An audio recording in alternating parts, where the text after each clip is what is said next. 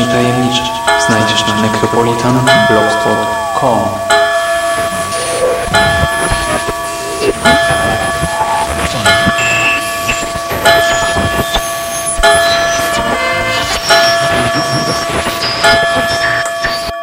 Witam w nawiedzonym podcaście.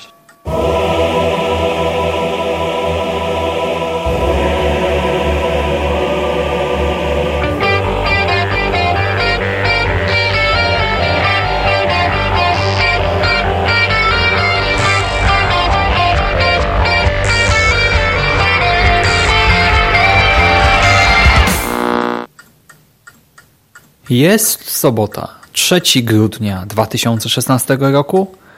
Słuchacie właśnie 110 nawiedzonego podcastu na blogu Necropolitan, a po tej stronie mikrofonu wita się z wami Szymas. Słucham? A, no dobra, jest niedziela. Poniedziałek? E, wtorek? Dobra, środa. Okej. Okay okej, okay, czwartek, jest czwartek, no dobrze, jest piątek. Tak, jest piątek. Sześć dni po planowanym terminie publikacji, ała, godziny popołudniowe i ja nie wiem, jak do tego doszło. To znaczy, no dobra, wiem, jak do tego doszło, ale, ale nie rozumiem. Przykro mi, smutno mi. Ech, tak.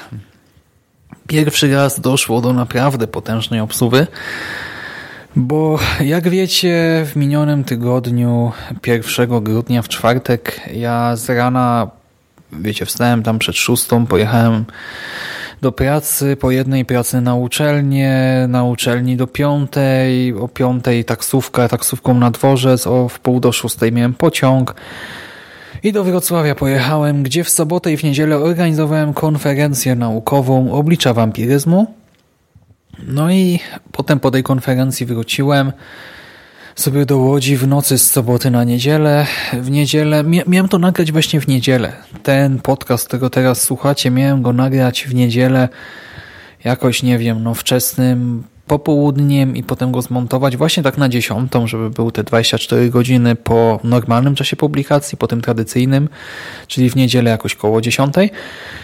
Ale, ale ja byłem tak potwornie zmęczony w niedzielę. I w ogóle, wiecie, ten tydzień był ciężki, ten konferencyjny. W ogóle ostatnie kilka tygodni było ciężkich. To Mando, Jerry, Karpie mogą wam poświadczyć, że ja nawet na czaty nie wchodzę na Facebooku. Ja, im nawet, ja ich nawet nie czytam, już nawet nie, że nie odpisuję, ale już nawet nie czytam. Jak coś jest ważnego, to proszę o info na privie, bo, bo zwyczajnie nie ogarniam.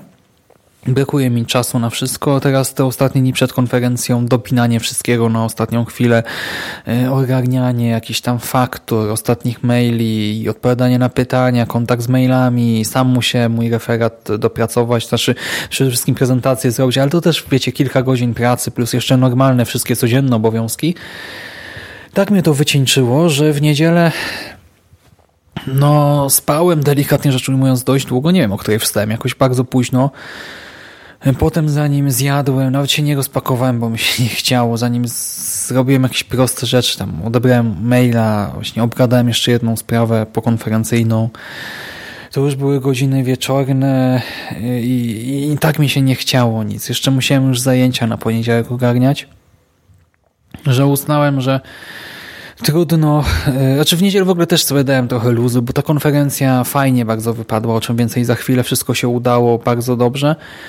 I tak byłem zadowolony z tego, dumny z tego i stwierdziłem, że muszę sobie dać troszkę tego luzu, właśnie na spokojnie, poogarniać pewne rzeczy, i tyle, no więc uznałem, że podcast po prostu nagram i wrzucę na stronę w poniedziałek, ale w poniedziałek e, też jakoś ten dzień bardzo szybko zleciał. We wtorek też zaraz po powrocie do domu musiałem jechać do innego miasta, załatwiać tę sprawę rodzinną, mówiłem wam.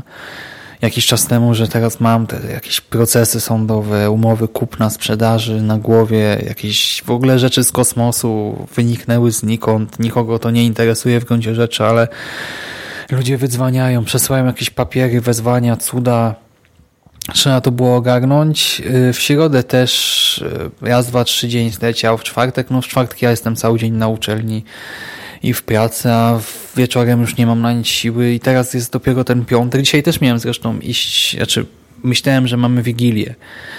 Tutaj taką uczelnianą, pracowniczą, zakładową, katedralną, ale okazało się, że została przesunięta o tydzień w przód.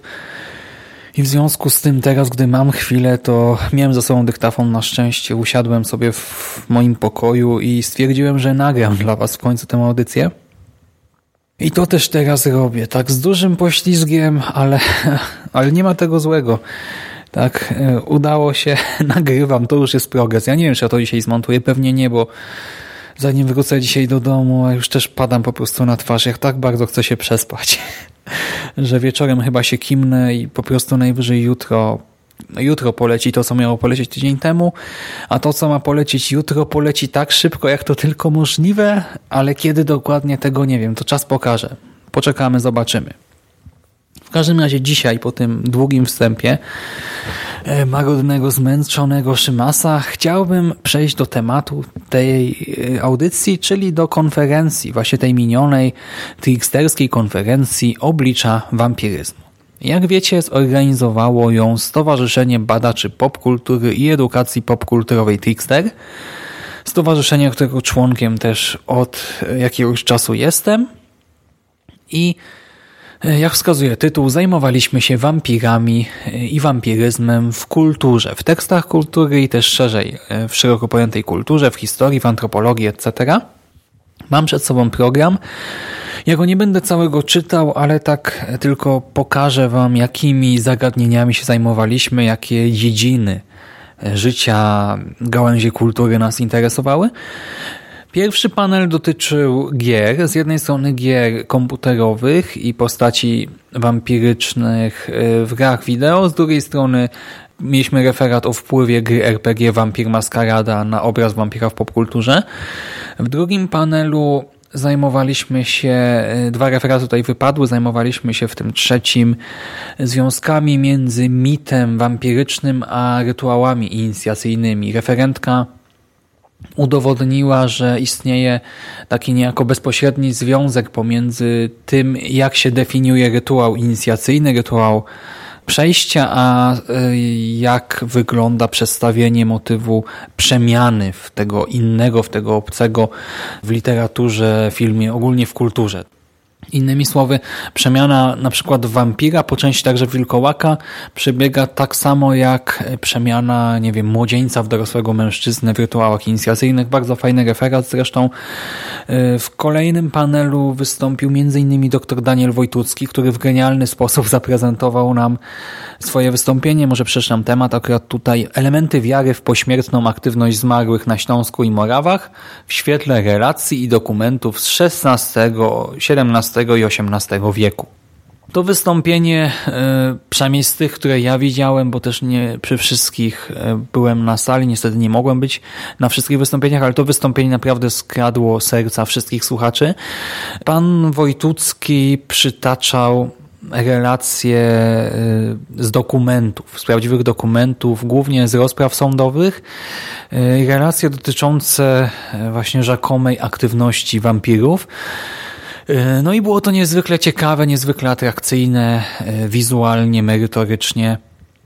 Formalnie świetna rzecz, czekamy na artykuł, miejmy nadzieję, że się takowy pojawi i że będzie można go przeczytać w przeciągu roku, bo pewnie około roku zajmie wydanie monografii. W tym samym panelu też rozmawialiśmy o wampirach i symbolice krwi w kulturze klasycznej, w starożytnej Grecji, w starożytnym Rzymie itd. Tak też ciekawy referat oraz o roślinach i materiałach pochodzenia roślinnego w praktykach antywampirycznych.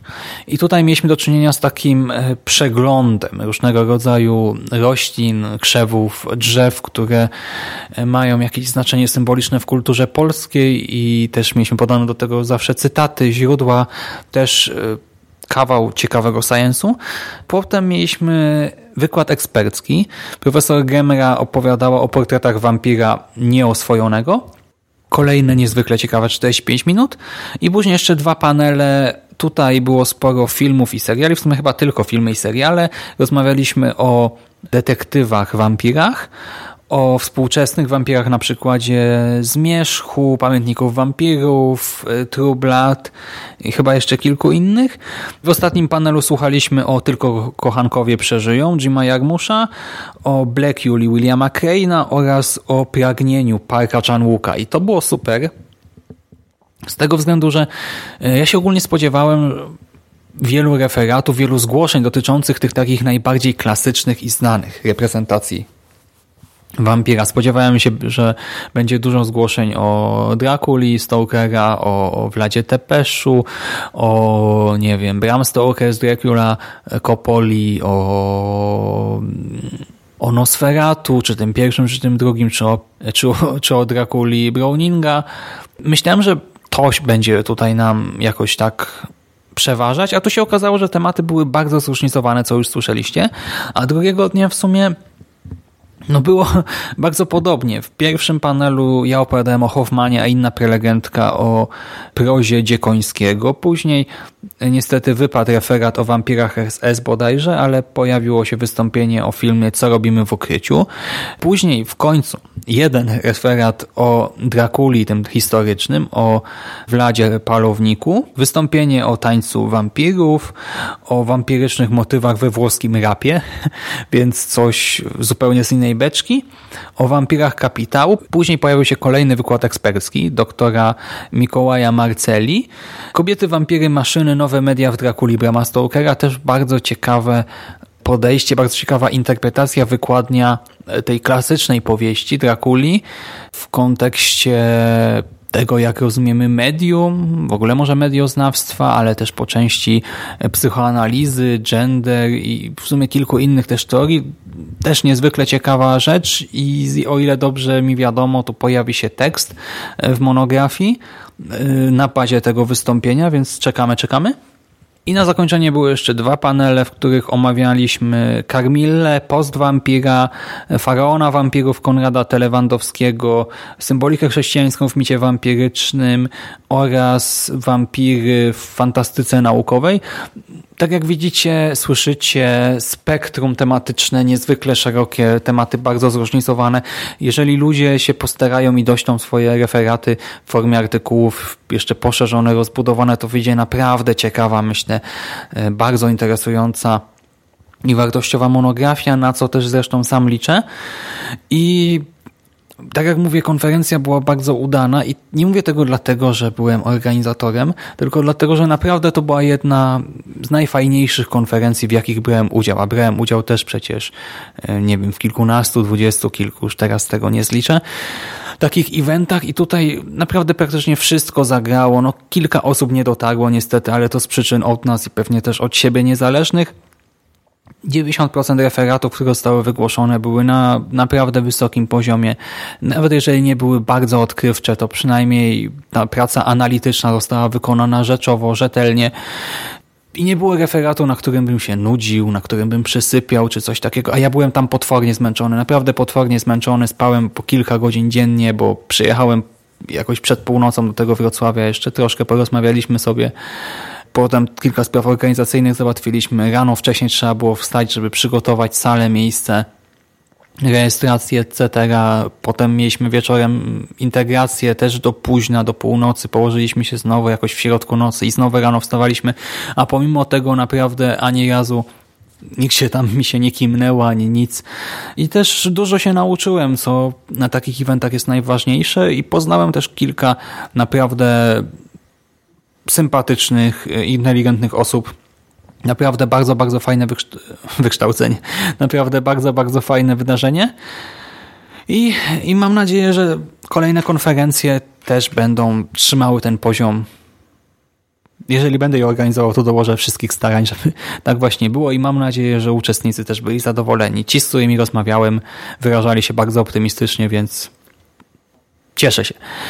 A teraz przejdźmy do drugiej części tego podcastu, czyli do mojego wystąpienia. Miałem je początkowo nagrać w ogóle przed konferencją, ale uznałem, że to troszkę bez sensu. W ogóle nie miałem czasu, tak żeby je też porządnie sobie przetrenować. Zresztą do samego końca, jak się ostatecznie okazało. E, więc jakoś tak się nie paliłem do tego nagrywania. Niby miałem wszystko gotowe, ale nie miałem gotowej prezentacji i tak do końca nie wiedziałem, gdzie coś przyciąć, gdzie coś dodać. E, a poza tym głupio jakoś tak mi było nagrywać wystąpienie moje przed konferencją, bo czasami w czasie konferencji ktoś wytknie nam jakiś błąd. I nie mówię, że złościwie, po prostu ktoś, kto się jakoś zna na danym temacie, coś zauważy, czy doradzi, czy podda coś wątpliwość, czy w drugą stronę właśnie potwierdzi nasze rozważania i wtedy, e, gdyby do czegoś takiego doszło, to wolałbym, aby jednak to moje wystąpienie było już nagrywane po fakcie, żebym mógł uwzględnić te wszelkie uwagi, e, rady, etc. Potem myślałem, że może nagram po prostu moje wystąpienie na miejscu, nawet zabrałem ze sobą do Wrocławia dyktafon, miałem go w torbie, tylko wyszło tak, że pierwszy panel, w którym występowałem w sobotę, miała otwierać prezentację, miała otwierać wystąpienie kogoś innego. Ta osoba nie dotarła na miejsce. Nagle się okazało, że ja mam zaczynać drugi dzień moim wystąpieniem i po prostu już wiecie, nie myślałem o tym dyktafonie, tylko podszedłem do komputera, odpaliłem prezentację i zacząłem mówić najzwyczajniej w świecie. I dlatego teraz w końcu nagrywam post factum, ale no Myślę, że i tak w sumie wiele się nie zmieni w porównaniu z tym, co wygłaszałem tydzień temu. Co najwyżej mogę o czymś w sumie zapomnieć, ale no myślę, że nie, bo jednak znam dość dobrze ten temat. Więc cóż, no przejdźmy już do rzeczy. Przedmiotem mojego badania było opowiadanie wampiryzmu z E.T.A. Hoffmana. Mój temat brzmiał następująco. Nachcyrer, ghoul czy wampir? Figura wampiryczna w opowiadaniu wampiryzmu z E.T.A. Hoffmana. Hoffman jak być może części z Was wiadomo, jest niemieckim autorem epoki romantyzmu, to ETA, to skrót od jego trzech imion. Pełne imiona to Ernst Theodor Amadeus. Ernst Theodor Amadeus Hoffmann żył w latach 1776-1822. Tak jak mówię, niemiecki autor epoki romantyzmu, kojarzony przede wszystkim z tak zwanym czarnym romantyzmem. Die Schwarze Romantik, niż Schwarzromantik.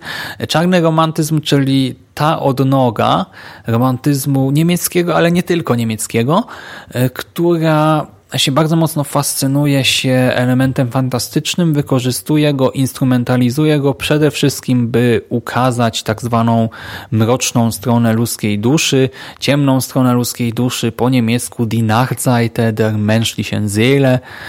Ta mroczna strona ludzkiej duszy u Hoffmana bardzo często właśnie wypływa na wierzch w różnych tekstach. Dzisiaj tu i teraz chciałbym Wam opowiedzieć o opowiadaniu Wampiryzmus ze zbioru Bracia Serafiońscy. Tak to zostało przetłumaczone na język polski.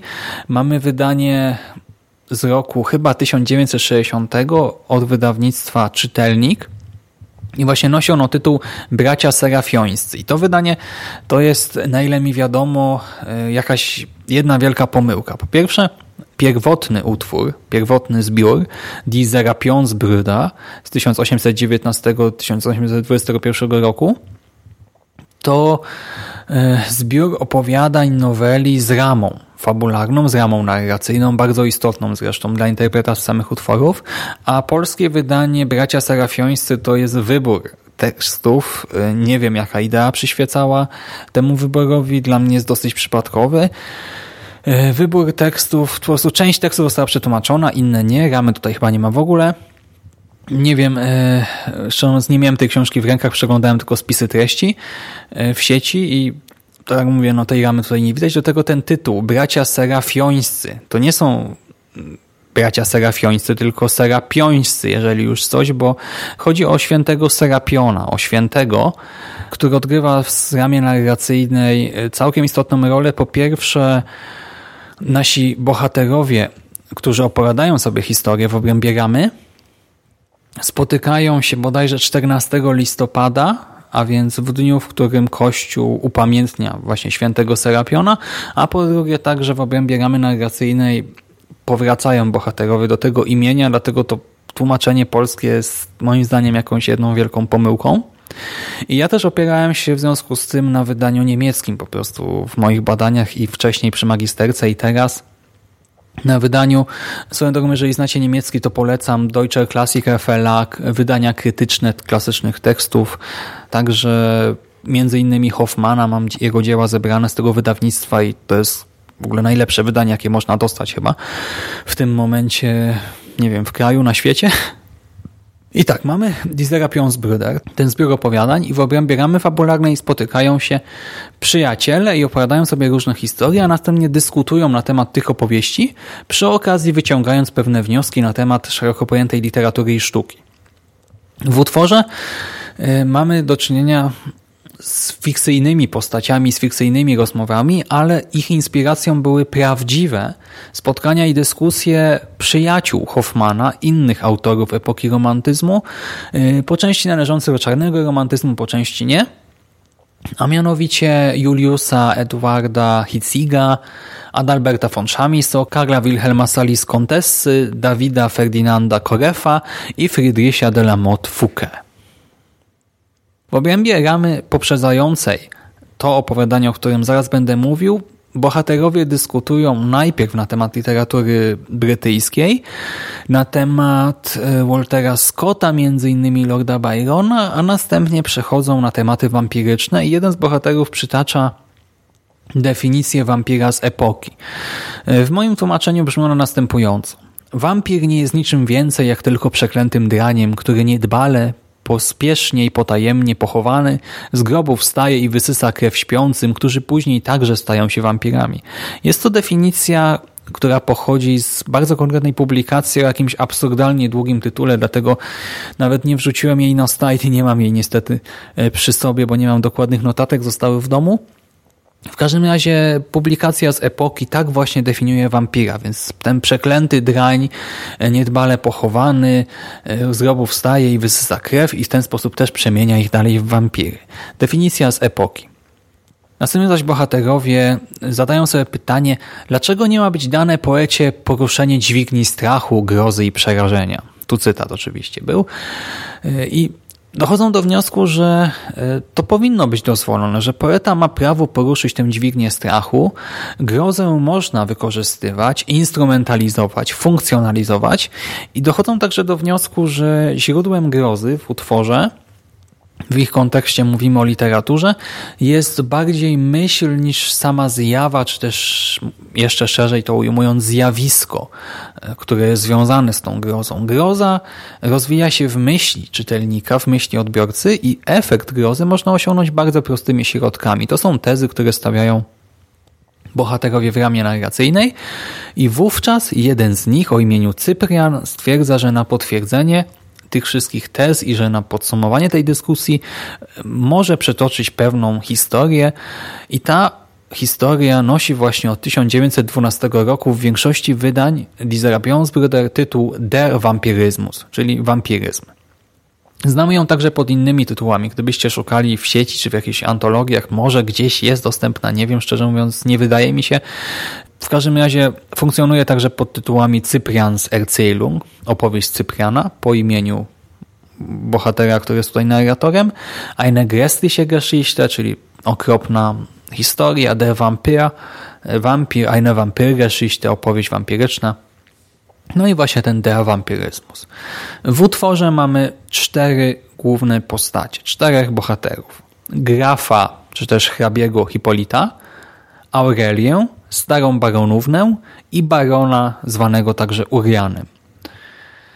Opowieść rozpoczyna się od powrotu hrabiego Hipolita do swoich stron rodzinnych, do zamku, który odziedziczył po swoim zmarłym ojcu i który leży w pięknych, wręcz takich idyllicznych, e, wyidealizowanych, uroczych krainach. Tam też przybywa graf hrabia Hipolit i postanawia dokonać pewnej inwestycji w te tereny, dokonać renowacji zamku, restrukturyzacji całego terenu i w ten sposób uczynić dobrze i sobie i wszystkim okolicznym mieszkańcom. Pewnego dnia przybywa do zamku stara baronówna, daleka krewna grafa, hrabiego, wraz ze swoją córką Aurelią. Problem polega na tym, że ojciec Hipolita wyrażał się dość nieprzystępnie, nie, dość nieuprzejmie, właściwie to ze wstrętem i trwogą na temat starej baronówny, przy czym nigdy nie wyjaśnił jednak motywacji, swojej motywacji powodu takiego, a nie innego zachowania.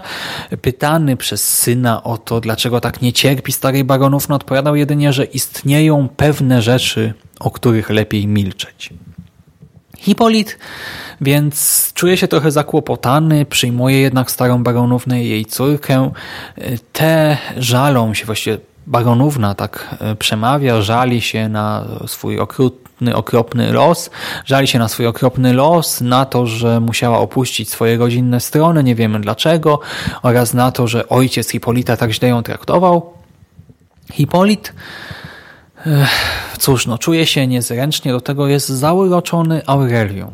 Piękną, młodą, słodką, niewinną dziewczynką, w której się najzwyczajniej się zakochuje i ostatecznie postanawia, wbrew tym wszystkim ostrzeżeniom ojca, przyjąć kobiety pod swój dach, przyjąć je na zamku, ugościć je i jak możemy się domyślać, niedługo później Hipolit postanawia poślubić Aurelię.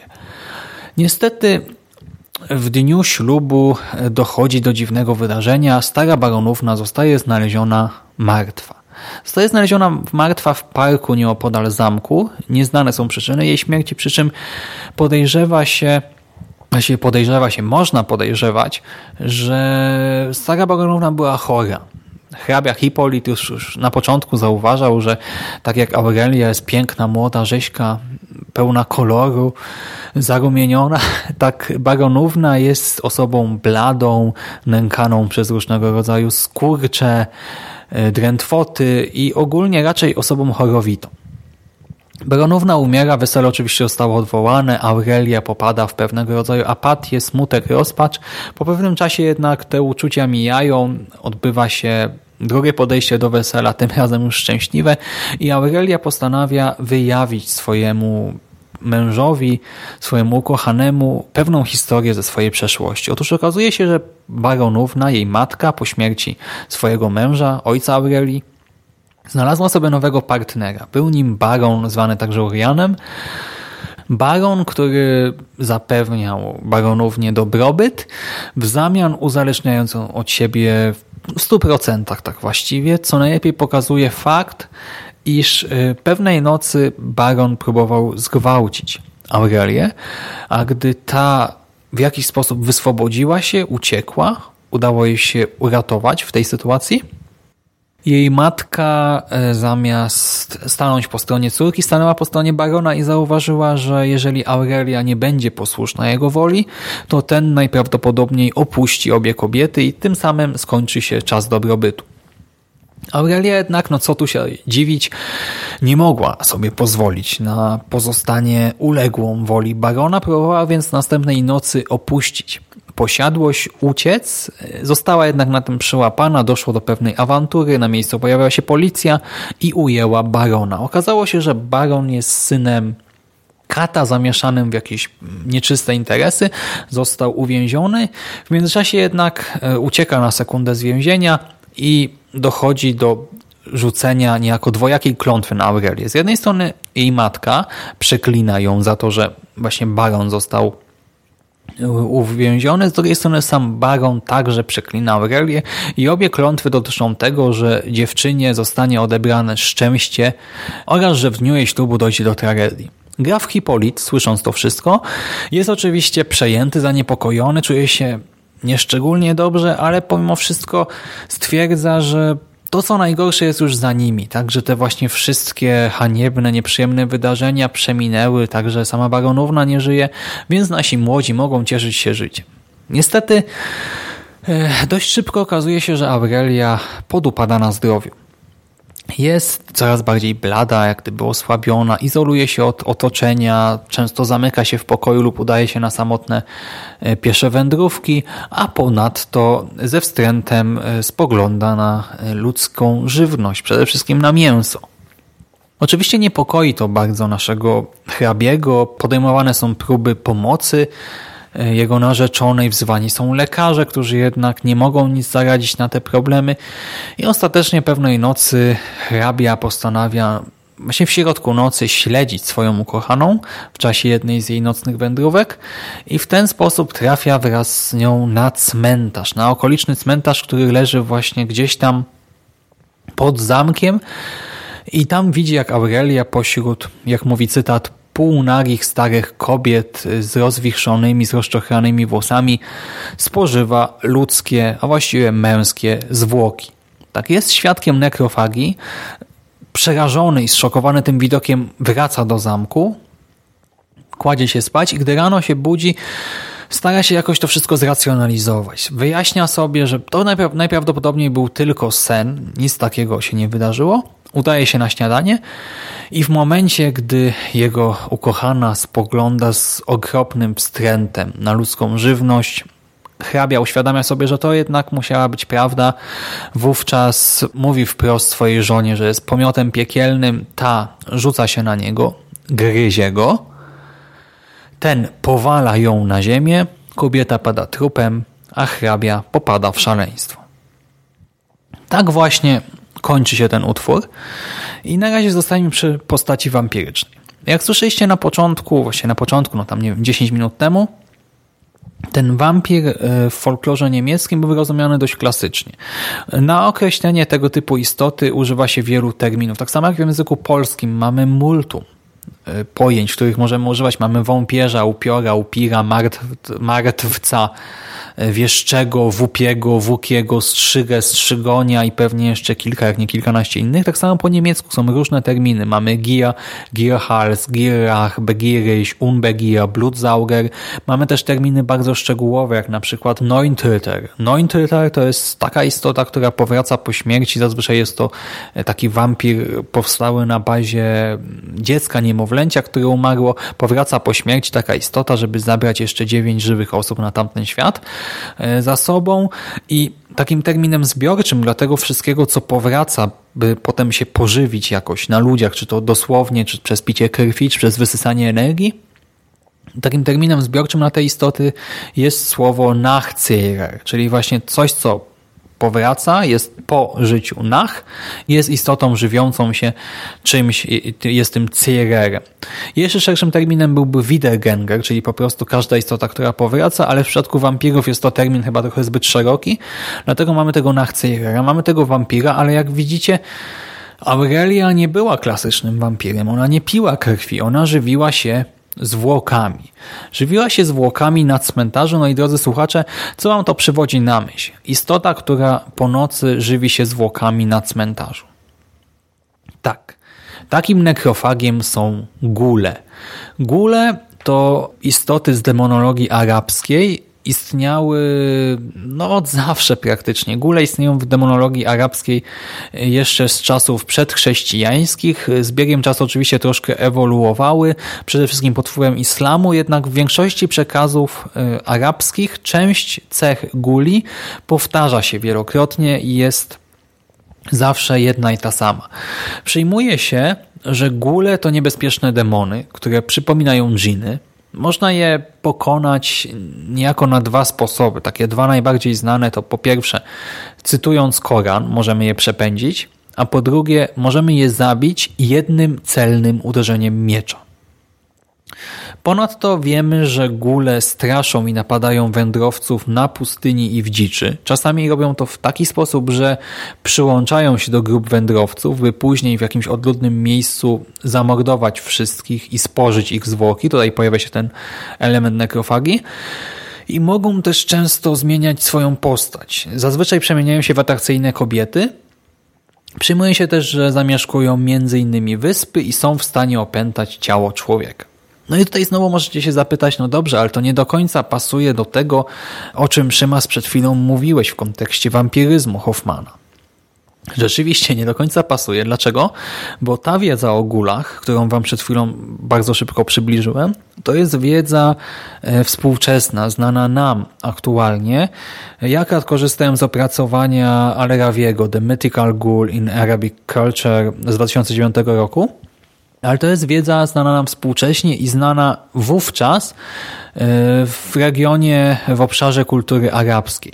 Hoffman w Niemczech, chociaż był osobą bardzo dobrze obeznaną e, z literaturą, mitologią i tak dalej, Hoffman jest ogólnie bardzo ważną e, osobą, bardzo ważnym pisarzem dla szeroko pojętej grozy, bo z jednej strony bardzo mocno się inspirował swoimi poprzednikami, a z drugiej strony też bardzo aktywnie wpływał na twórców późniejszych, tak na przykład Edgar Allan Poe bardzo mocno inspirował się Hoffmanem. E, przypuszcza się też, e, to są tacy badacze jak właśnie profesor Gemera, pan Mario Pras, Paul Kopp. Zauważają oni wszyscy, że Hoffman mógł mieć wpływ na Frankensteina, Mary Shelley, także na doktora Jekylla i Mr. Hyde'a oraz na całą twórczość Poego i kilku innych autorów. Hoffman więc jest ważną postacią dla naszej ulubionej konwencji i tutaj to nie jest tak, że on sobie wymyślił tego swojego gula. Po prostu wówczas w Europie najbardziej znanym powszechnym źródłem wiedzy o tej kulturze arabskiej była Księga Tysiąca i Jednej Nocy. W swoim pierwszym tłumaczeniu, w tłumaczeniu z lat 1704-1717, w tłumaczeniu orientalisty francuskiego, profesora Collège de France, Antoine Galanda.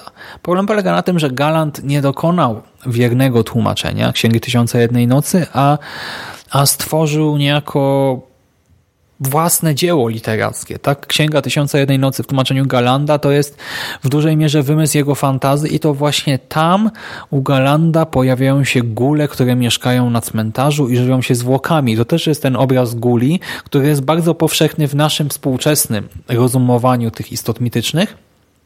I możemy przypuszczać, że Hoffman właśnie tym się inspirował. Więc z jednej strony sięgnął po y, te wierzenia orientalne, oczywiście troszkę przekłamane, ale no nie miały tak naprawdę innego wyjścia w tamtych czasach pewnie. Po drugie sięgał po wierzenia ludowe lokalne niemieckie. Po trzecie, także widać tutaj różne inspiracje powieścią gotycką, czy też po niemiecku Schauer Roman. Jest to opowiadanie, które zaliczamy oczywiście do horroru. Za wieloma badaczami, za nie wiem, Hastokarz, Stanisławem Lemem, Niewiadowskim, Smuszkiewiczem. Możemy powiedzieć, że w literaturze grozy, w horrorze literackim musimy mieć dwa elementy. Po pierwsze, Świat przedstawiony jest realny, obiektywny, empiryczny, albo też przypomina takowy świat i do niego wkracza potwór lub potworność, która zaburza porządek tego świata, zaburza dotychczasowy porządek rzeczy, podważa powszechność wszystkich praw i reguł oraz nie pozwala się w żaden sposób racjonalnie wyjaśnić. Czytelnik, który poznaje ten świat, ten nowy, nieznany nam, obcy świat, poprzez zmysły protagonistów odczuwa konkretne emocje, czyli właśnie strach, grozę, przerażenie, lęk, obrzydzenie. I tutaj mamy też z tym do czynienia. Zresztą, co jest tutaj ciekawe, to to, że cały świat przedstawiony jest zbudowany antytetycznie. To znaczy, mamy z jednej strony wszędzie piękno i urok, z drugiej strony grozę i brzydotę. Z jednej strony, nie wiem, nawet wśród tych naszych bohaterów, tak, mamy tego młodego e, hrabiego Hipolita, który przybywa w te rodzinne strony, chce dbać o ten region, o swój zamek, o, o posiadłość rodową, o okolicznych mieszkańców. E, jest piękny, młody, wspaniałomyślny, przyjmuje też tych nawet, co dużo mówić, no niechcianych gości na zamek, a z drugiej strony mamy tego barona, tego syna kata, podejrzanego nie wiadomo co tak naprawdę, ale na pewno jakieś duże przestępstwo, w końcu od razu go aresztowano, do tego wrzucającego klątwami na lewo i prawo, próbującego zgwałcić niewinną dziewczynę. Tak samo Aurelia jest piękna, młoda, słodka, urocza, a Baronówna jest właśnie tą taką bladą, troszkę też szemraną, nieprzyjemną, starszą, e, osobą, do tego chorowitą, nękaną przez te dziwne skurcze drętwoty. Tutaj też widzimy taką tradycyjną konstelację bohaterów powieści popularnej, bo przyjmuje się, że są takie cztery typy. Jest kobieta anioł, czyli tutaj Aurelia, jest ta femme fatale, czyli baronówna, która sprowadza kłopoty. Naszego bohatera mamy tego mężczyznę bohatera, mężnego, odważnego mężczyznę Hipolita i mamy tego mężczyznę demonicznego, czyli barona. Mamy wszystkie cztery typy. No i tutaj już mamy tę antytezę. Do tego Mamy ten cudowny zamek w urokliwej okolicy i ten mały, mroczny cmentarz gdzieś tam obok. I sam ten początkowy opis idyllicznej krainy, jakim jest świat przedstawiony w kontekście ramy narracyjnej. Mówiłem wam, bohaterowie rozmawiają o horrorze, o wampirach, o tym, czy można wykorzystywać grozę w literaturze i potem w wstępie Cyprian mówi, dobrze, to ja wam coś opowiem w tym temacie i mówi, że jest taka piękna, idylliczna, cudowna kraina. Już tutaj ten kontrast sprawia, że czytelnik nie do końca wie, co ma sobie o tym wszystkim myśleć. I to jest jedna z rzeczy, która wzbudza efekt grozy. Ponadto Utwór nie tylko na tym poziomie próbuje nas zdezorientować, także cała narracja jest bardzo dezorientująca. Narrator nieustannie dystansuje się od opisywanych wydarzeń. W wersji niemieckojęzycznej to bardzo dobrze widać, bo stosuje taki tryb gramatyczny, e, który sugeruje, że to nie są jego własne słowa, tylko że nam relacjonuje czyjąś opowieść niejako a w kilku miejscach narrator dodatkowo jeszcze, jakby tego było mało, zupełnie zrzeka się głosu i przekazuje głos jednej e, z postaci. Przykładowo opowieść Aurelii jest opowiadana tylko przez Aurelię, co sprawia, że czytelnik też nie wie na ile może ufać tym wszystkim historiom. I tak jak mówiłem na początku, w ramie pada taka myśl, taka teza, że groza istnieje przede wszystkim w umyśle odbiorcy. I rzeczywiście tutaj tak naprawdę no nic strasznego się nie dzieje aż do tej finałowej akcji na cmentarzu i przy stole w domu. Po prostu mamy jakieś tam losy czwórki bohaterów, którzy się poznają, zakochują, umierają, ale cała groza istnieje tylko w naszym umyśle, co czytelnik doszukuje się czegoś podejrzanego, czegoś strasznego tutaj w tym świecie przedstawionym, bo tak naprawdę nic złego do samego końca się nie wydarza, a na koniec mamy maksymalizację efektu grozy. E, po pierwsze, dlatego, że ta figura Nachceirera, ten nasz gul tutejszy, zastępuje tę delikatną kobietę anioła, tak? czyli tę postać najdelikatniejszą zastępuje postać najbardziej demoniczna, a do tego Hoffman tutaj zdecydował się na tego gula, być może dlatego, że spożywanie zwłok w naszej kulturze jest chyba jeszcze bardziej demoniczne, przerażające i obrzydliwe od samego picia krwi. Bo picie krwi, nawet spójrzmy na to z punktu widzenia współczesnych ludzi. Mamy sekty wampiryczne działające na całym świecie, także w Polsce. Tak, w Polsce też działają stowarzyszenia, sekty, jak zwał, tak zwał, wampiryczne, ludzie, którzy nawzajem karmią się swoją krwią. To znaczy, to nie jest tak, że oni piją tylko krew, ale tak poją się nawzajem swoją krwią i to są dane potwierdzone, ale nie wydaje mi się, żeby działały takie stowarzyszenia, które by zjadały zwłoki tak w czasie, nie wiem, jakiegoś przyjęcia czy czegoś takiego. I tak jak picie krwi, no wiecie, jemy na przykład czerninę, tak jedzenie zwłok, znaczy no nie wiem, no nie wiem, może są jakieś potrawy, w których używa się gnijącego mięsa, ale no to raczej nie jest nawet tak powszechne jak picie czerniny, które też nie jest chyba jakoś bardzo powszechne, bo znam osoby, które pałają wstrętem do czerniny, kaszanki, e, czarnego, etc. E, a jednak takie rzeczy można dostać bez problemu w każdym sklepie mięsnym, zaś no zwłok raczej nie dostaniemy.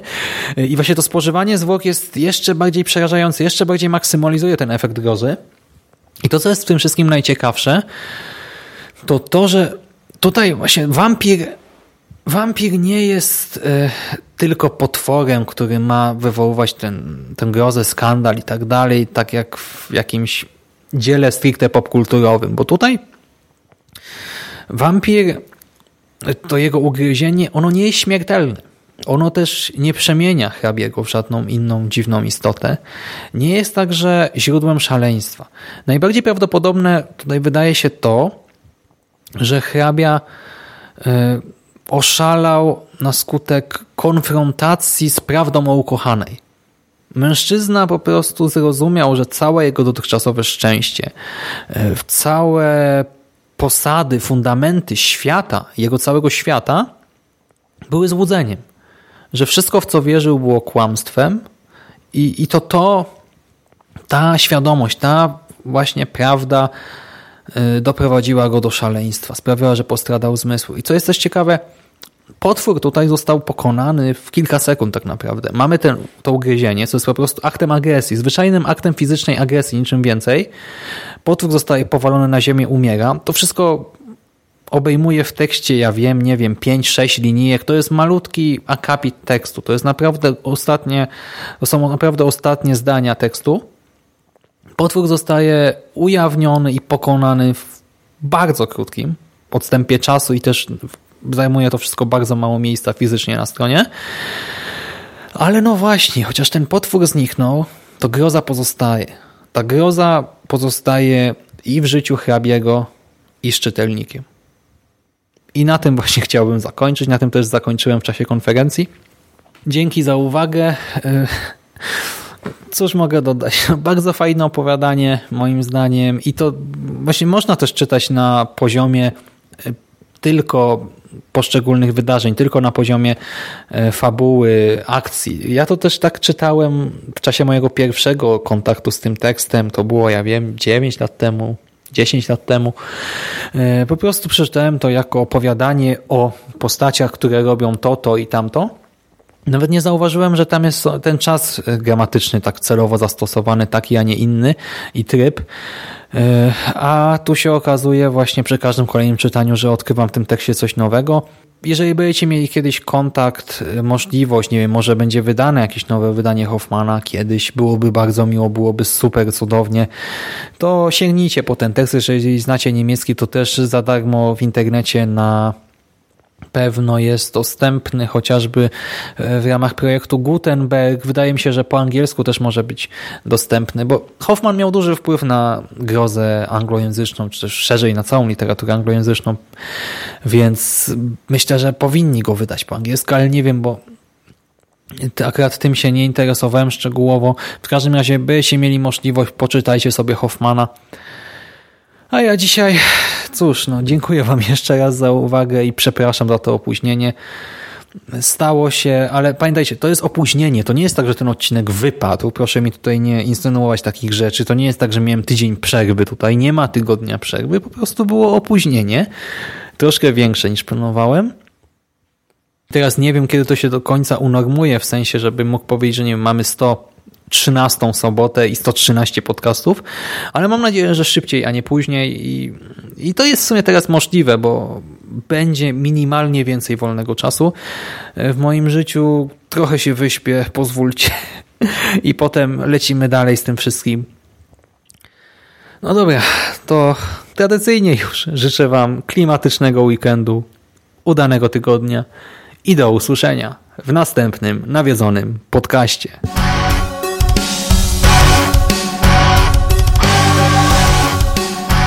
A już za tydzień w kolejnym nawiedzonym podcaście.